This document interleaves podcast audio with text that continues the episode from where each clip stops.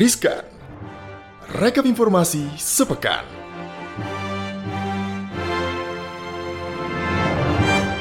Hai hai, balik lagi nih di Riskan Rekap Informasi Sepekan.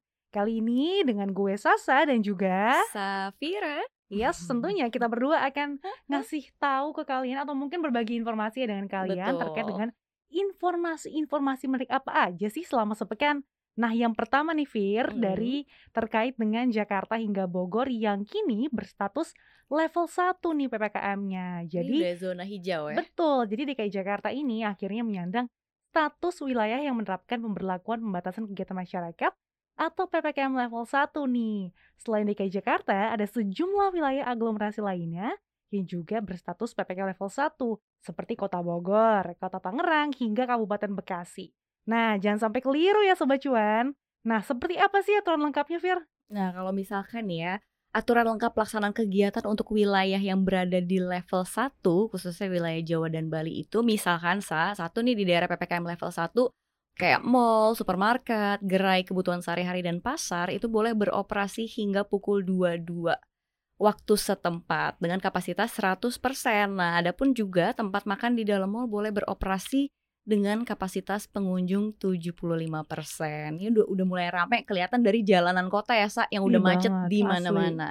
Nah, terus sementara itu bioskop juga boleh beroperasi dengan kapasitas maksimal 70%. Restoran atau tempat makan di dalam bioskop juga udah boleh buka hingga 75% dengan waktu makan maksimal 60 menit. Dan juga nih Sa, kalau mau bawa adik-adik, keponakan-keponakan yang berusia di bawah 12 tahun, ini boleh masuk mall dan bioskop. Dengan syarat didampingi sama orang tua juga sih sebenarnya. Jadi setiap pengunjung dan pegawai mall juga nih wajib menggunakan aplikasi screening peduli lindungi. Terus apa lagi, Sa? Ya, terkait dengan tempat ibadah nih ya, hanya boleh dibuka 75% dari kapasitas. Yang pasti dengan penerapan protokol kesehatan yang ketat, hal yang sama juga berlaku nih bagi fasilitas umum dan tempat wisata. Nah, selanjutnya untuk transportasi boleh beroperasi nih dengan kapasitas hingga 100%.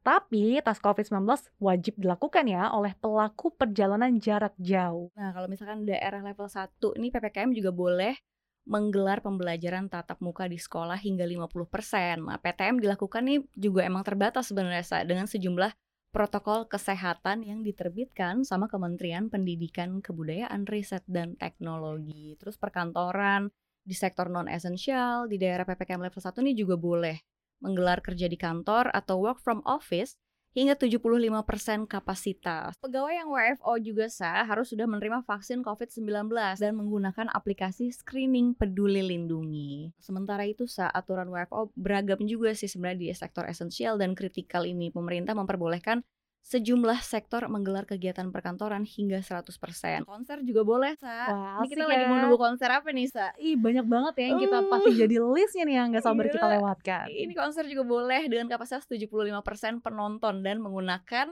aplikasi Peduli Lindungi. Aturan serupa juga berlaku bagi resepsi pernikahan dan pusat kebugaran. Ayo, Sa, ini resepsi juga udah boleh loh. Oh, boleh, oke Fir, Fir. Eh, mungkin eh, kita janjian kali ya eh, perginya eh, apa namanya bookingnya.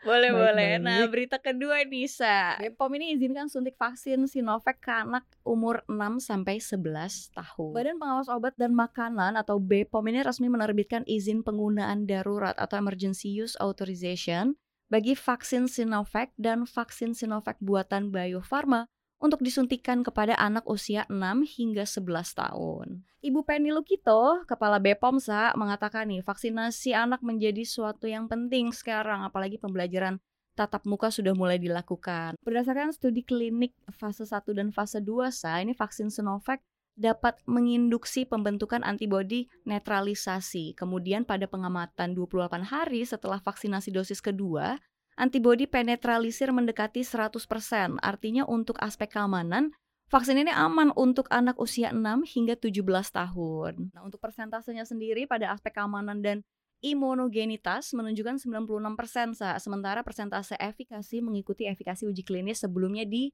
64%. Yes, jadi memang Ikatan Dokter Anak Indonesia mendukung ya keputusan BPOM ini yang memberikan izin penggunaan darurat pada vaksin COVID-19 buatan Sinovac dan juga produksi Bio Farma untuk disuntikan kepada anak usia 6 sampai 11 tahun. Pasalnya, Ketua Umum IDAI Pimprim Basara mengatakan kalau anak-anak memiliki potensi tertular serta menularkan virus COVID-19 nih kepada orang lain. Nah ini juga uh, dikhawatirkan ya. Oleh karena itu, Pimprim mendorong para orang tua untuk bisa membawa anak-anaknya supaya bisa mendapatkan vaksin tersebut gitu, Betul. Fir. Nah ini informasi berikutnya, Fir, Hmm. yang juga menjadi polemik nih yang obrolan cukup ramai di masyarakat. Heeh. Jadi jangan keliru ya. Jadi ada beberapa syarat lengkap nih bagi perjalanan dalam negeri yang terbaru. Oh, gimana tuh, Sa? Nah, Kementerian Perhubungan menerbitkan empat surat edaran baru sebagai syarat perjalanan terbaru. Jadi ada beberapa perubahan nih yang dilakukan, mulai dari penggunaan antigen untuk penerbangan hingga wajib antigen nih untuk pengguna kendaraan pribadi. Sebetulnya aturan ini sudah berlaku ya sejak hari Selasa 2 November kemarin. Sementara itu, untuk aturan penerbangan berlaku nih sejak Rabu 3 November lalu. Di mana terbitnya surat edaran baru ini membuat aturan yang berlaku sebelumnya digantikan atau dinyatakan tidak berlaku. Tapi aturan ini tidak berlaku ya pada wilayah perintis dan daerah 3TP, yaitu tertinggal, terdepan, terluar, dan perbatasan. Nah, Oke. ada beberapa hal utama nih tentang syarat perjalanan yang diatur dalam surat edar ini. Apa aja tuh, Fir? Nah, emang nih terkait hal ini, pertama dalam aturan SE ini untuk transportasi udara. Nah, ini sa untuk penerbangan dari dan ke bandara di wilayah Jawa Bali, penerbangan antar bandara di dalam wilayah Jawa Bali ataupun penerbangan luar Jawa dan Bali. Wajib menunjukkan hasil rapid test antigen dengan sampel 1 kali 24 jam untuk yang sudah tervaksin dosis lengkap ya. Dan sementara yang sudah tervaksin dosis pertama, pelaku perjalanan ini wajib menunjukkan hasil negatif PCR dengan sampel 3 kali 24 jam. Sa, mengingat harga tes PCR udah murah, lo lebih milih mana? Antigen atau PCR? Antigen Tetap antigen ya, Antigen, 35 ribu. iya. Yang kedua, sa, transportasi darat nih penggunaan kendaraan bermotor perseorangan, kendaraan motor umum, dan angkutan penyeberangan dari dan ke daerah di wilayah atau luar Pulau Jawa dan Pulau Bali yang ditetapkan melalui instruksi Menteri Dalam Negeri sebagai daerah dengan kategori PPKM level 3, PPKM level 2, dan PPKM level 1 wajib sa menunjukkan surat keterangan hasil negatif rapid test antigen dengan waktu sampel maksimal 1 kali 24 jam. Ini sama ya seperti tadi pesawat sebelum keberangkatan dan kartu vaksin dosis pertama sebagai syarat melanjutkan perjalanan. Nah, khusus perjalanan rutin dengan moda transportasi darat menggunakan kendaraan bermotor persorangan, kendaraan motor umum, transportasi sungai, danau, dan penyeberangan dalam satu wilayah atau kawasan aglomerasi perkotaan ini tidak diwajibkan untuk menunjukkan kartu vaksin dan surat keterangan hasil negatif rapid test antigen. Untuk transportasi laut, penumpang kapal laut yang akan melakukan perjalanan dari dan atau ke pelabuhan di seluruh wilayah Indonesia ini wajib juga menunjukkan kartu vaksin minimal dosis pertama dan juga surat keterangan hasil negatif rapid test antigen yang pengambilan sampelnya diambil dalam kurun waktu maksimal 1 kali 24 jam atau di pelabuhan sebelum keberangkatan. Nah, pelaku perjalanan dengan kereta api antar kota dari dan ke daerah dalam wilayah Pulau Jawa ini wajib menunjukkan kartu vaksin minimal vaksinasi dosis pertama dan juga hasil negatif rapid test antigen yang sampelnya diambil dalam kurun waktu maksimal 1 kali 24 jam sebelum keberangkatan sama seperti sebelumnya ya. Namun ada pun ketentuan yang menunjukkan kartu vaksin ini dikecualikan bagi satu pelaku perjalanan usia di bawah 12 tahun. Yang kedua, pelaku perjalanan kendaraan logistik dan transportasi barang lainnya yang melakukan perjalanan dalam negeri di wilayah luar Jawa dan Bali. Yang ketiga, pelaku perjalanan dengan kondisi kesehatan khusus atau penyakit komorbid yang menyebabkan pelaku perjalanan tidak dapat menerima vaksin. Gitu, Sa. Lanjut, apa lagi, Sa? Iya, yang pasti dengan persyaratan wajib melampirkan surat keterangan dokter ya dari rumah Betul. sakit pemerintah yang menyatakan kalau yang bersangkutan belum dan atau tidak mengikuti vaksinasi COVID-19. Betul. Nah, di informasi berikut ini juga yang membuat masyarakat DKI Jakarta ataupun di luar DKI Jakarta jadi bertanya-tanya nih. Apaan? Karena per 13 November 2021, Pemprov DKI Jakarta akan memperlakukan sanksi tilang bagi kendaraan bermotor yang tidak lulus uji emisi. Nah, menurut Pemprov DKI, dari tanggal 12 Oktober sampai 12 November ini merupakan masa sosialisasi penerapan selama satu bulan. Jadi belum diterapin sanksi, jadi masih masa sosialisasi ya, Fir ya. Hmm. Nah, uji emisi ini menjadi kegiatan wajib yang dilakukan pemilik kendaraan roda 2 dan juga 4 kalau ingin aman nih masuk ke DKI Jakarta.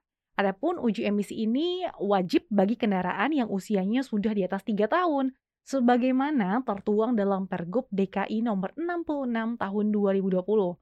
Kalau melanggar, maka nanti akan ada sanksi Rp250.000 untuk motor dan Rp500.000 untuk mobil. Namun ternyata Fir, Apa update tuh? informasi terbarunya Mhm, nih, ternyata kepolisian masih mempertimbangkan penerapan sanksi tilang tersebut. Iya. Pasalnya, jumlah kendaraan yang sudah menjalani atau lulus uji emisi di ibu kota ternyata masih sangat rendah nih. Ini pas nggak sih kalau menurut lo waktunya atau harus ada pos-pos gitu buat ngeberhentiin kendaraan atau memang belum tepat waktunya sa di tengah kondisi COVID-19 kayak gini sa?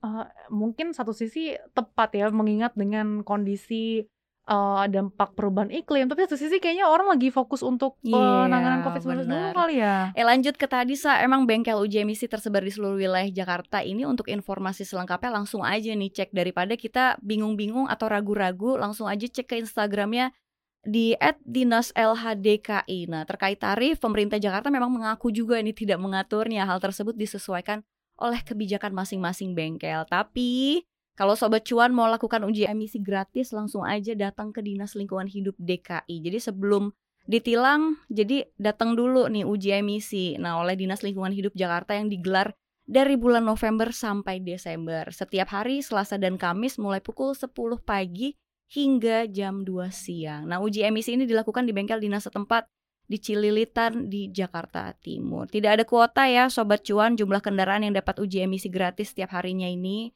Namun memang pelayanan yang diberikan disesuaikan dengan waktu operasional yang sudah ditetapkan.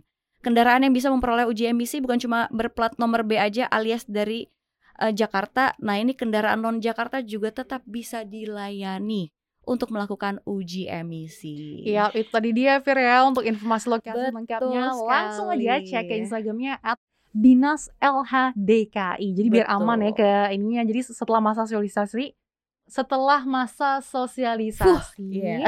kalian ya, Sa. bisa aman nih masuk ke DKI Jakarta. Oke, itu tadi dia sejumlah informasi yang menarik yang tentunya nggak bakal kalian mau lewati nih. Betul. Terus dengarkan podcast Cuap Cuap Cuan di Spotify, Apple Podcast, Google Podcast, dan Anchor. Terus apa, Fir? dan juga follow Instagram cuap cuap cuan di @cuap underscore cuan lalu subscribe juga YouTube channel kita di cuap cuap cuan jangan lupa di komen mau bahas apa ntar bisa kita kupas tuntas ya sa kita Mhm. kelotokin nih berita-berita yang lagi happening dalam seminggu terakhir lalu juga like dan share sebanyak-banyaknya Vira pamit Dan Sasa juga pamit. Sampai jumpa di Cuap Cuap Cuan berikutnya. Bye. bye